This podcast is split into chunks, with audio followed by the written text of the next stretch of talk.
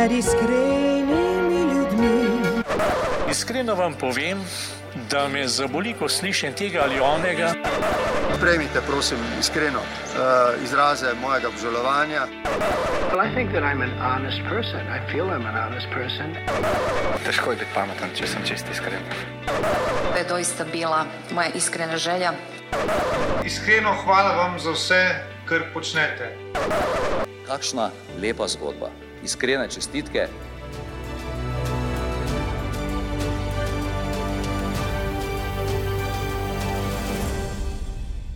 Drage poslušalke in spoštovani poslušalci, prisrčno dobrodošli v novi oddaji najbolj iskrenega podcasta. Moje ime je Dušan Poslek in danes v moji družbi lepo pozdravljam Klemna Jančiča.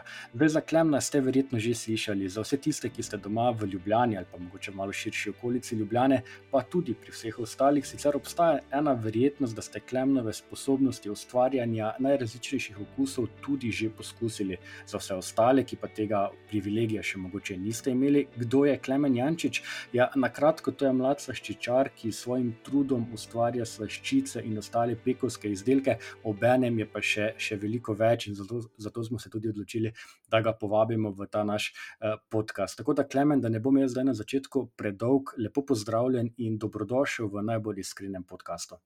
Ja, lep, lep pozdrav. No. Uh, hvala za ta lep intro. No? Z velikim veseljem sem naredil uh, ta uvod, tvoja zgodba, katero se bomo dotaknili, sicer malo kasneje, res globoka, pa preden greva no, v to globino. Tako na kratko, povej mi, kako je potekal tvoj uh, današnji dan. Naj povem, mi dva to snimava popovdan, po peti uri zunaj tema, ne, ko so že konec s oba službenimi obveznostmi. Tako da, Klemen, kakšen je bil tvoj dan?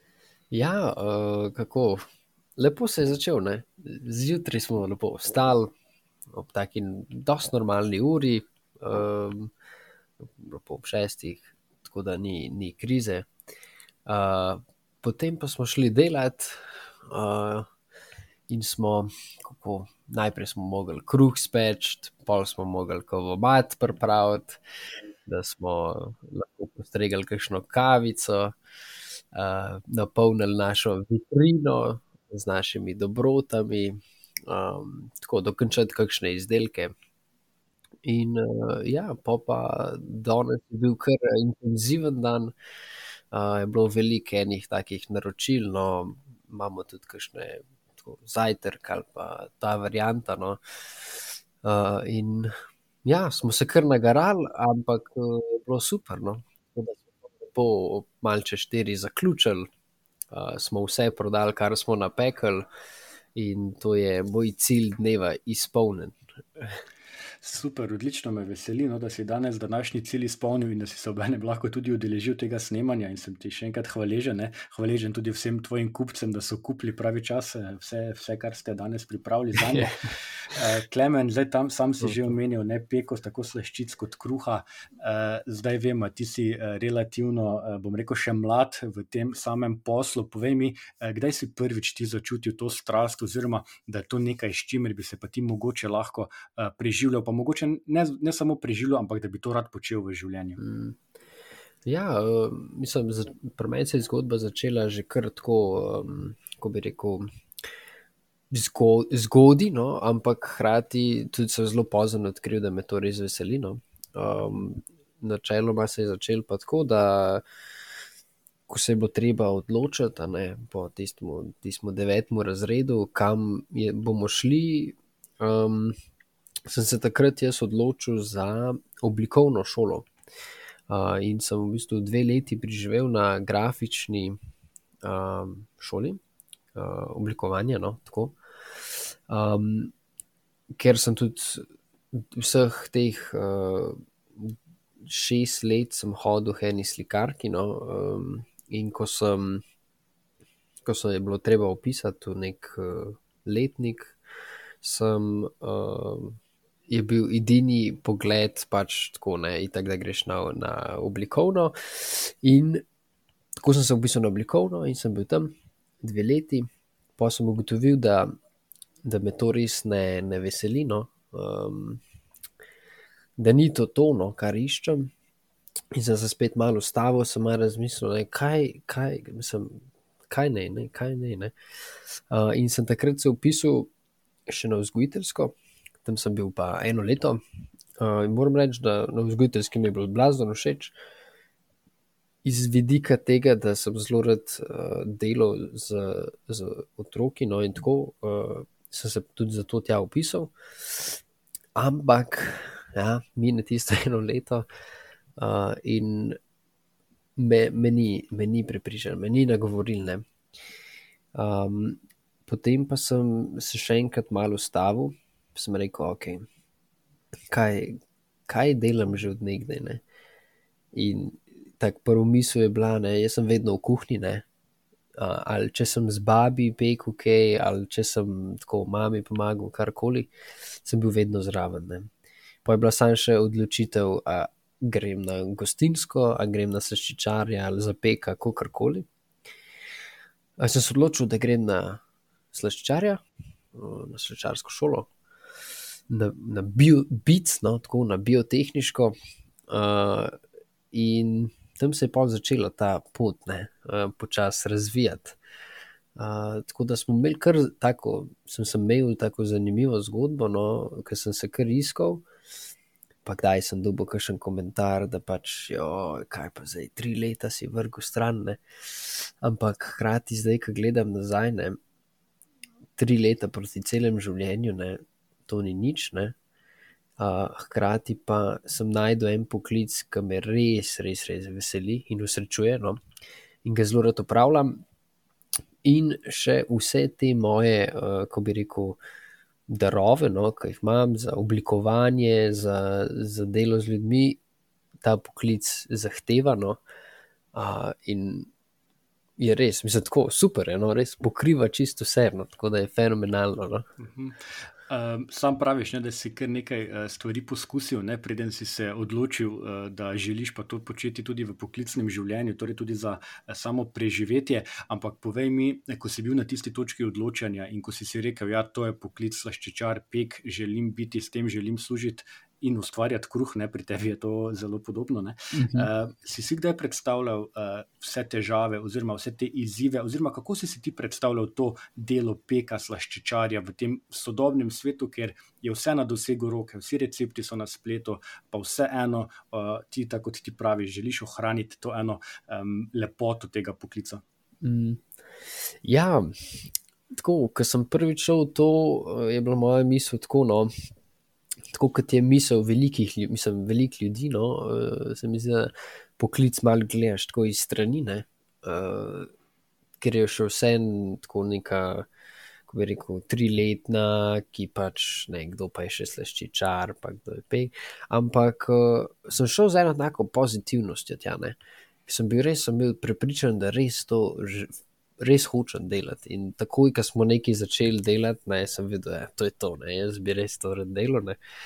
Um, in ja, pol, pol, mislim, nisem vedel čisto točno, kaj pričakovati, ker nisem še vedel takrat, prvo leto, nisem vedel sploh, kako se ta poklic obnaša v današnjem svetu. No?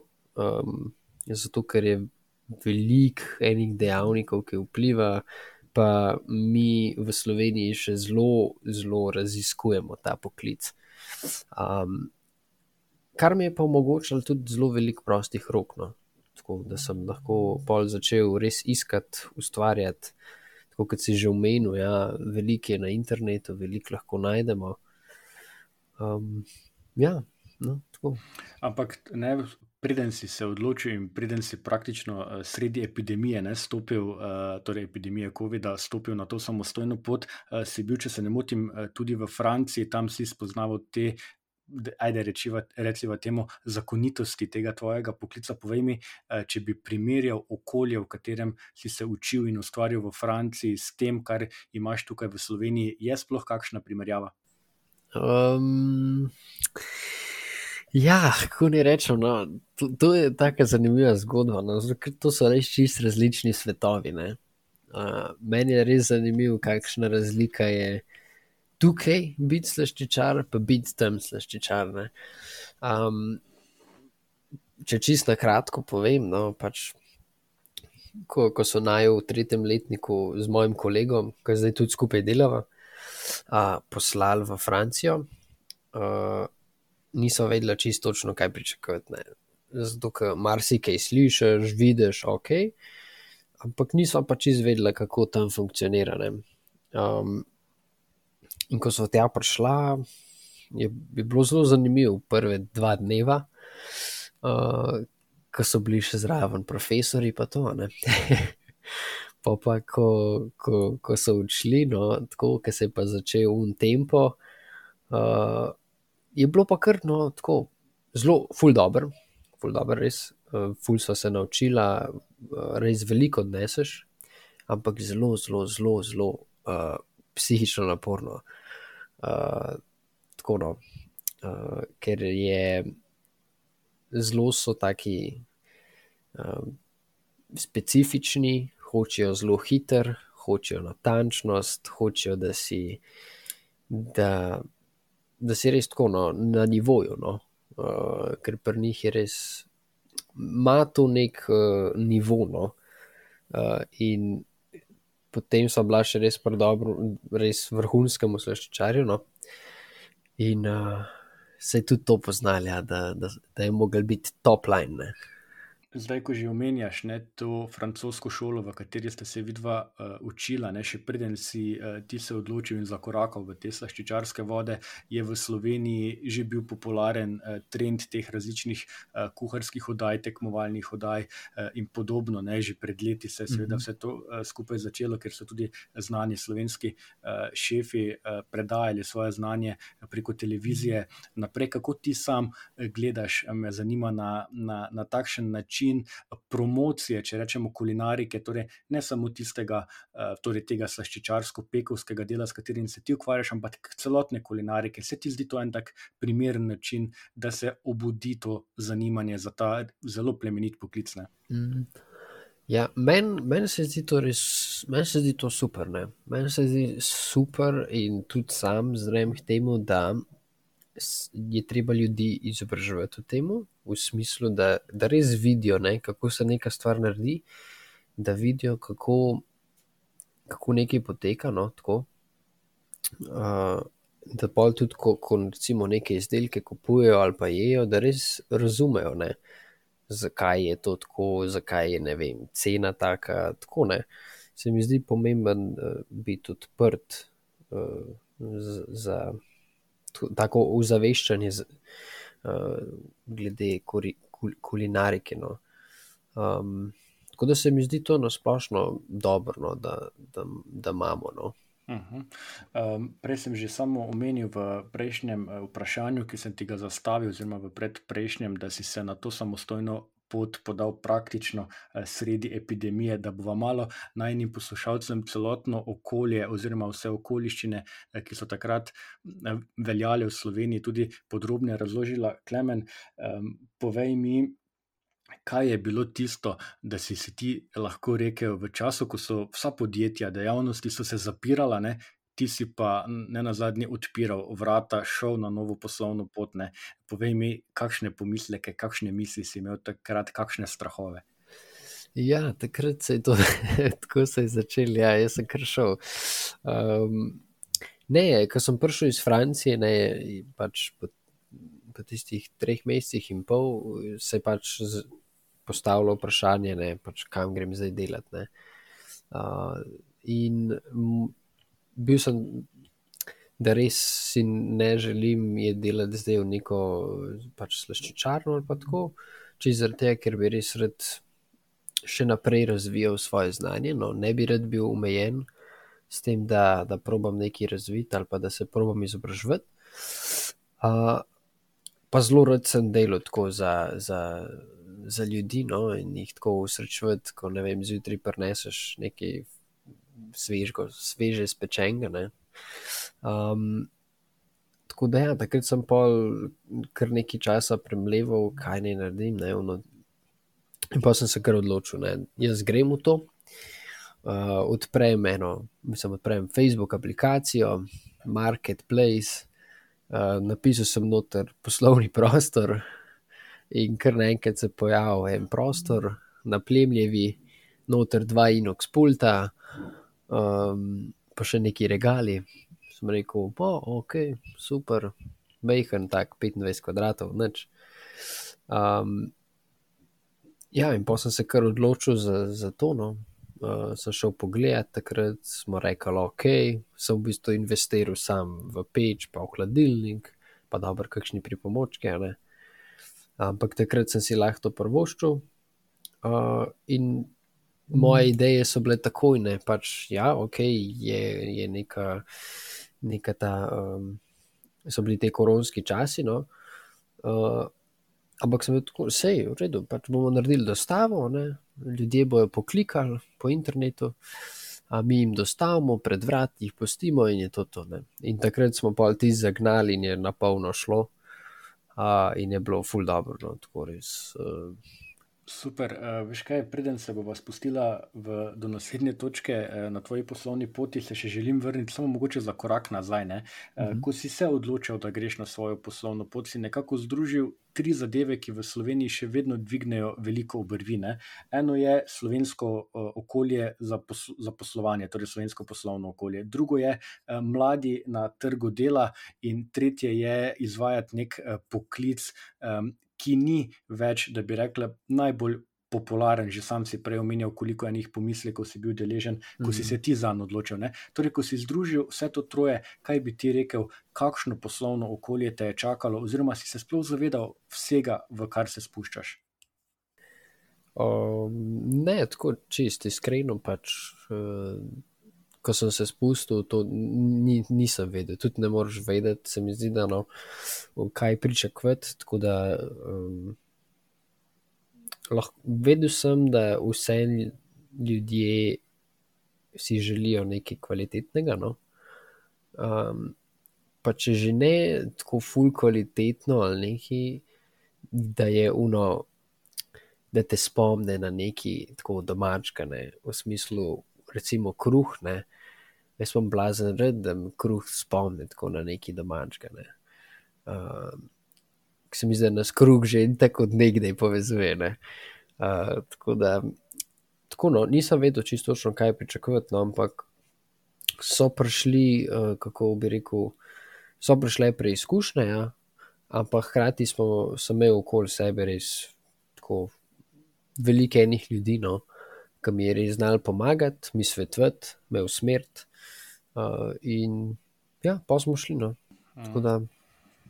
Ko menjaš te uh, preizkušnje, zdaj dejansko napočil ne, ta čas, da se dotaknemo te verjetno največje, zagotovo največje preizkušnje tej, na tej tvoji mladi uh, poslovni poti.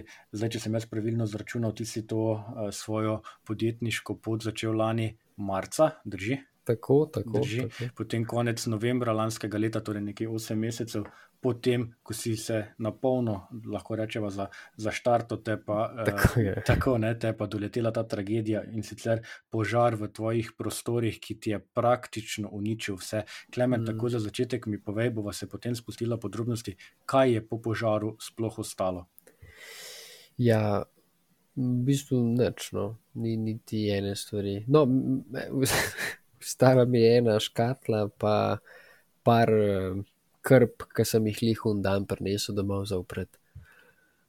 Torej, tisto, kar je bilo v poslovnem prostoru, je pa izpuhtelo praktično vse.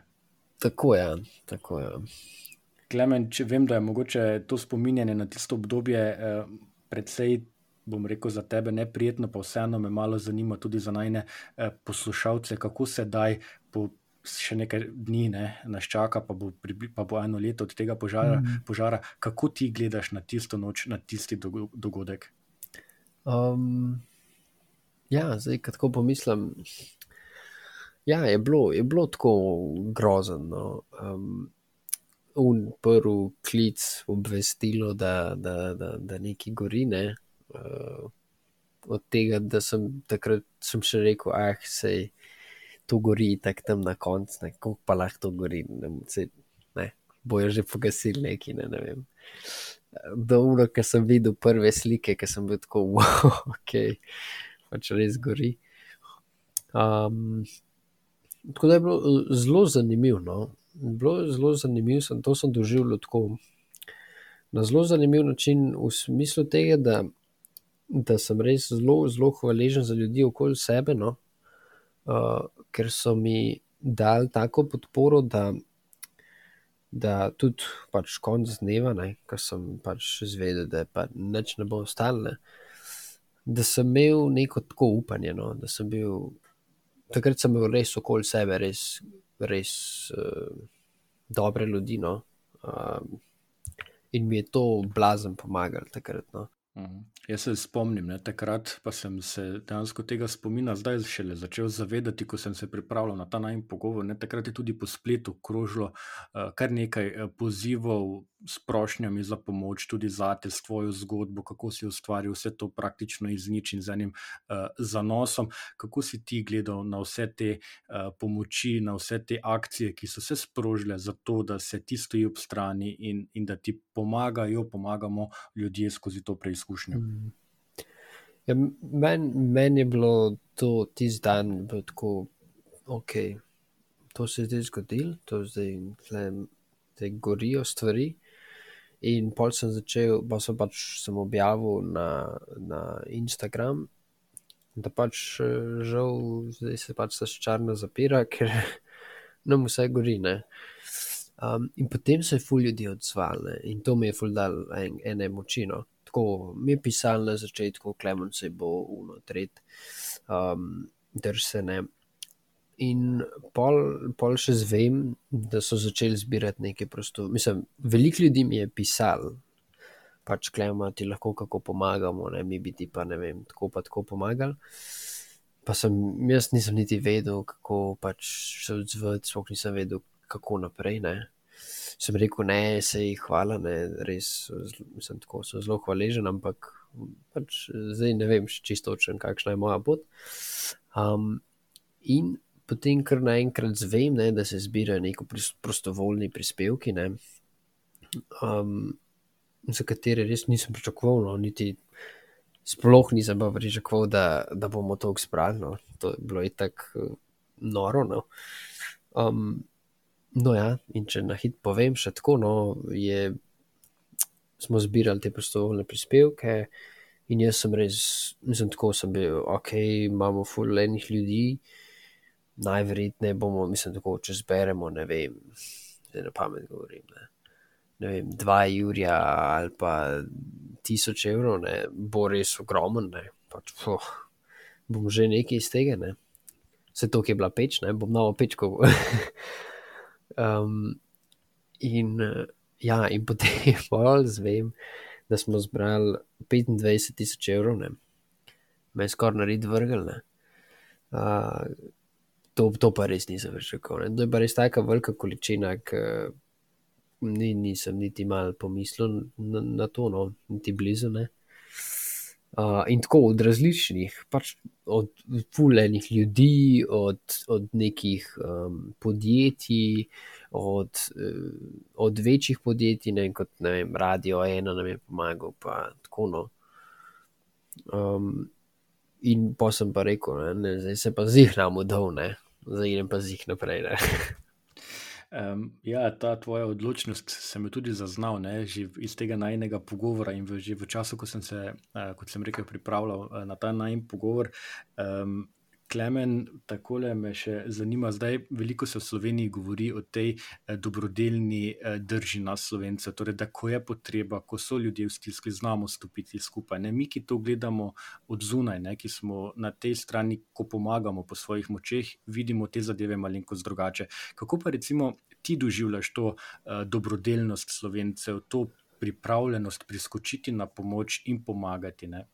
Ja, Meni men se zdi to čist maro, meni se zdi to um, čistko ne. Mislim, re, res, me, mislim, res sem bil fasciniran in res sem zelo hvaležen za vsakega posameznika, ki nam je pomagal no, na različne načine, ne, ker res nisem tega pričakoval. No, in, um, to me zelo nagovarja tudi, da, da, da sam zrem k temu, da, da pomagam. Da, da, pa če so to tako neke, ne vem, zdaj, tako da bi se kdo hotel iskati znanje, da bi se hotel naučiti, ali pa da, da kdo rabi, vem, pomoč pri delu, jaz res z veseljem pomagam. No, in uh, kakorkoli, no, me to res uh, zelo nagovarja. No.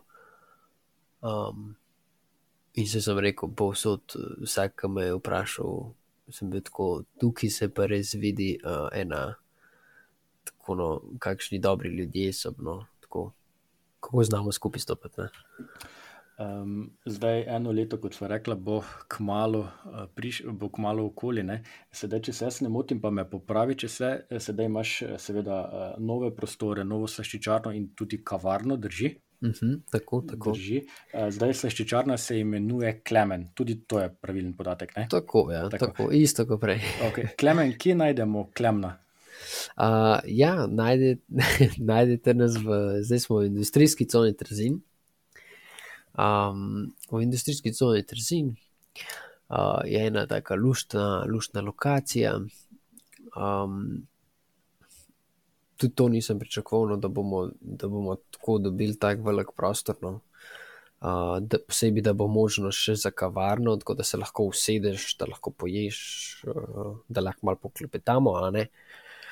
Um, ampak se je tudi to odprlo, pač, tako da. Ja. Evo, tako da, dragi poslušalci in drage poslušalke, Klemna in Klemna najdete torej v industrijski coni Trzin, več kot povabljeni, seveda tja na kavo.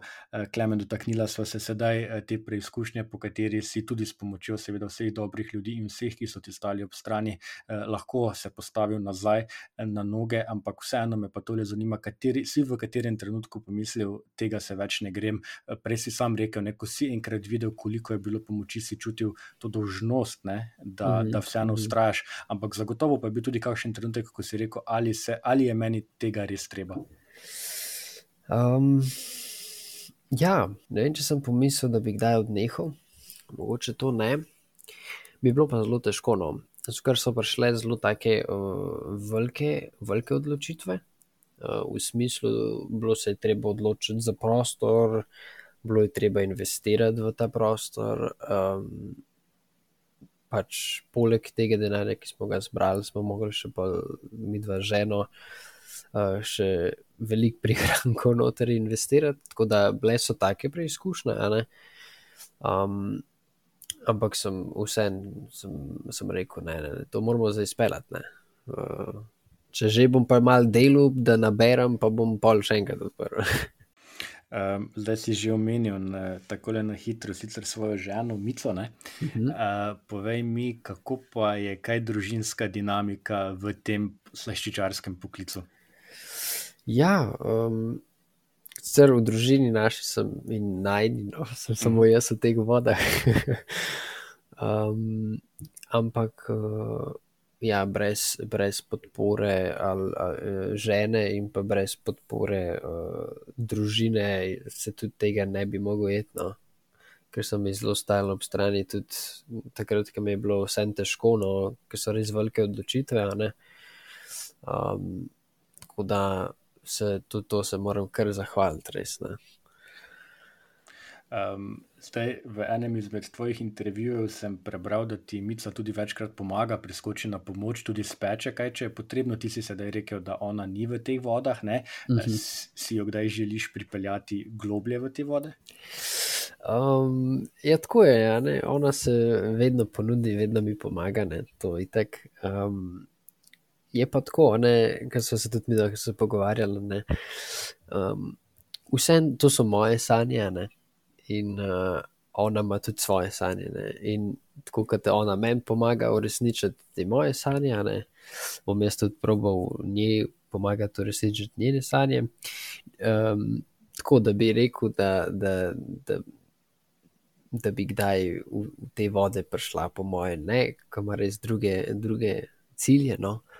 Uh, kar se mi zdi pa zelo dobro, no? tako da imaš. Uh, Tudi tako pogled. No. Ampak nič ne bo narobe, če še enkrat poudarjava, da brez pogojne podpore drug drugemu pa tega ne bi zmogel. Ne? Tako je, to pa absolutno.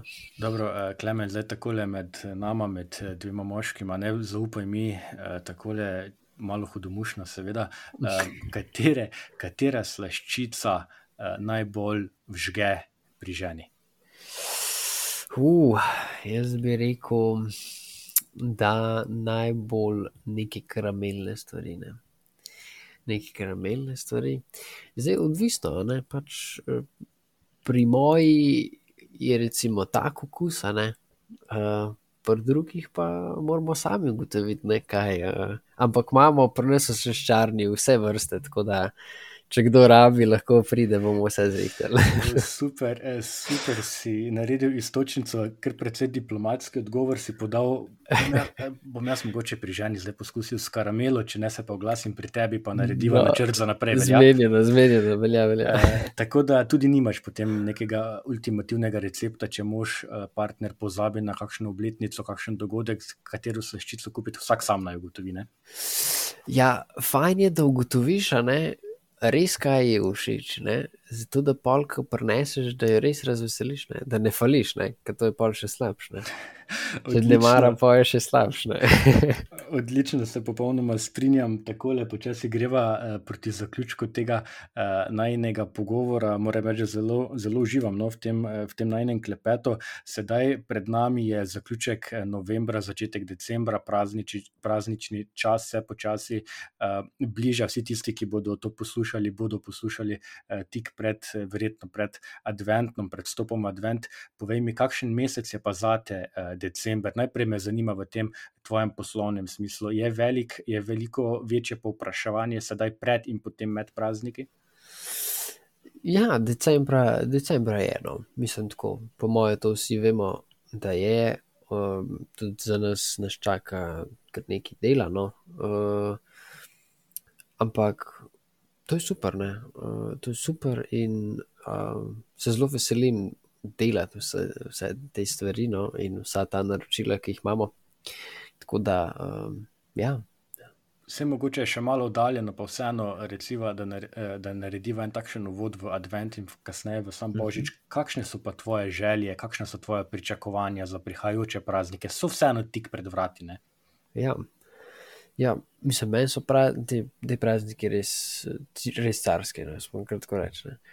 Um, tako me nagovarjajo, konstantno. No, in uh, se mi zdi, da te uh, advent in taki, tak, mislim, to, kar je zdaj pred nami, no, um, nas nagovarja, ne, da smo dobri drug do drugega in, in tako. No, to, točno to, kar smo se prej pogovarjali, ne, to, ta dobrota. Ne, um, in Ja, tudi jaz imam plane, no, tako malo dobrote pokazati nazaj. No, uh, tako da se res veselim, no, res se veselim. Zdaj, govorila sva o teh kratkoročnih ciljih, tudi sam si jih lepo omenil. Ne? Res je, december je čas za dobroto. E, bi še rad, mogoče ob zaključku tega najnega pogovora, se dotaknil e, dveh stvari. Eno je najprej malo bolj dolgoročnih e, načrtov. Nekje sem prebral, da si je tvoja skrita želja ustvariti neke vrste slaščičarsko akademijo e, v ja. Sloveniji. Te sanje še živijo. Te sanje še zelo živijo in ne bom se vdal, dokler mi nekdo ne reče, da res ne morem. um, ja, mislim, moji cilji so tako. No, uh, tudi, ko sem ta prvo sleščarno odprl, sem rekel, ok, da ne vem, čez sedem, šest let, mogoče odprem mal večji prostor, kjer bom imel lahko um, še prodajalnico, ne? ker v prejšnjem sem imel samo delavnico.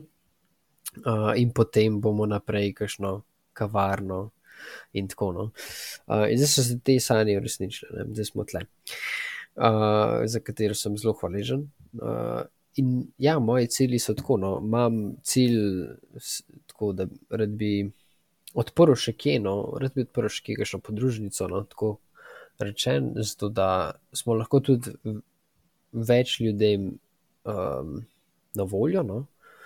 Um, tako in lahko tudi več ljudi, recimo, zajemamo, glede nekih izobraževanj, no, kar je že ena pot proti tistemu velikemu cilju. tako da, ja, imam ta, ta cilj, no, zdaj za en kratek cilj, mislim, kratek, to je dolg cilj, še vse bomo videli, kako bo šlo. Um, ja, potem pa enkrat si pa želim ja, odpreti neko svojo akademijo. Mislim, jaz bi zelo rad, da ni samo triletna šola, no? um, ampak da, da je nek nadaljevalen program. Ne? Eh, tudi če bi probali spremeniti to tri leta, ki smo tam, imaš pol tudi plus dva, ne, da končaš v bistvu štiriletno. Um, da bi bil recimo plus dva že slaščarski ne, program, to bi bilo tudi že vrhunsko. Um, ker se mi zdi res škoda, da je samo tri leta, še posebej za tiste, ki si res želijo znanja, no, uh, ga moš pol res iskati. No. Hvala Bogu, imamo zdaj internet, imamo knjige, imaš lahko razne izobraževanja, no, ampak um, je lahko tudi daj premalo. Tako da, tako v takem smislu, ja, no mislim, imeti tako akademijo, prav svojo, bomo pa videli, upam. Daj. Sanje živijo ne? in ja. tebi je dejansko, kar me je sedaj nagovorilo, ne? ob seveda. Preostanku pogovora, ki smo ga že dali skozi, je predvsem to, da na prvi pogled ti je požar uničil tiste prve sanje, ne? ampak na, v tem roku enega leta ti je pa dejansko prinesel še veliko večji blagoslov, kot, kot bi ga mogoče dosegel brez tega požara. Ne? Ja, ja, ja, to je res blagoslovno. Evo, super, e, Klemen, takole, veselijo me ti tvoji cilji, veseli me tudi e, samo dejstvo, da se zavedaš pomena formalnega izobraževanja in da bi želel uh, ta program ne, za, torej za slaščičarje oziroma peka dvigniti še na višji nivo. Ne. Se ti zdi, da je ta naš šolski sistem preveč tog, zakaj takšnega, je premalo te neke želje po spremembah? Mm. Jaz, jaz razumem, da, da, da je tudi ta naš eh, šolski sistem tako z razlogom postavljen, tako kot je. Uh, in tudi to, da je tri letna, čist razumem. In po moje, se mi zdi čist pametno, da ostane tri letna, da ne da bi jo spremenili v neko gimnazijo ali pa karkoli. Um, se mi zdi pa, da bi res lahko imeli nek plus dva program, kjer ti omogoča, ne, pač, da. Um, da se še dodatno izobražuješ, ker recimo tako imajo res v, v Franciji in imajo res naštudiran, uh, tiste dve leti imaš res prakse, imaš full um, in res imaš tak, tak um, praktičen, teoretičen del seščarstva. No. Um, ja, ne, ne vem, kako se tukaj naš uh, šolski sistem lahko upogne in tako da bi lahko prišli blizu, recimo, recimo francoskemu, no, tako z tega vidika. Um, ja, no, bomo videli. Ampak cilj, cilj je tudi na to, vse malo vplivati. Ne?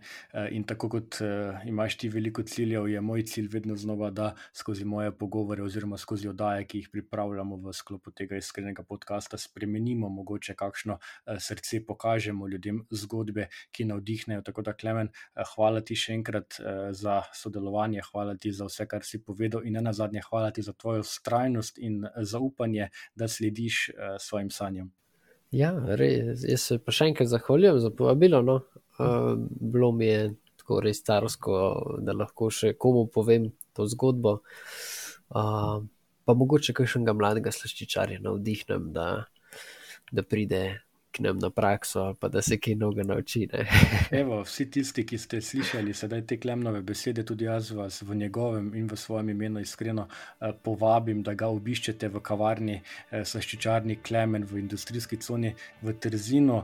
Eh, in Klemen je tudi pravi naslov, najdete ga tako na Instagramu kot na, na Facebooku in zagotovo in hitro vam bo odgovoril na vsa, vaše vprašanje tudi o eh, slaščičarstvu in tudi, če je kdo slučajno zainteresiran, kot sam pravi in sam vabi za upravljanje prakse pri njemu. Tako, Klemen, evo, tebi hvala, vam, drage poslušalke, dragi poslušalci, pa tudi iskreno zahvala za to, da ste naj prenašali, da ste naj poslušali do konca in če ne prej, nasvidenje v naslednjem najbolj iskrenem podkastu. Klemen, vse dobro in še naprej veliko blagoslova. Hvala in enako.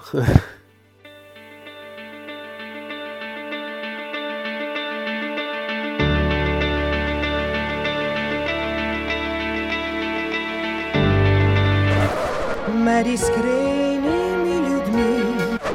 Iskreno vam povem, da me zaboli, ko slišim tega ali onega. Prejmite, prosim, iskreno uh, izraze mojega obžalovanja. Težko je biti pameten, če sem čest iskren. To je doista bila moja iskrena želja. Iskreno hvala vam za vse, kar počnete. Kakšna lepa zgodba iskrene čestitke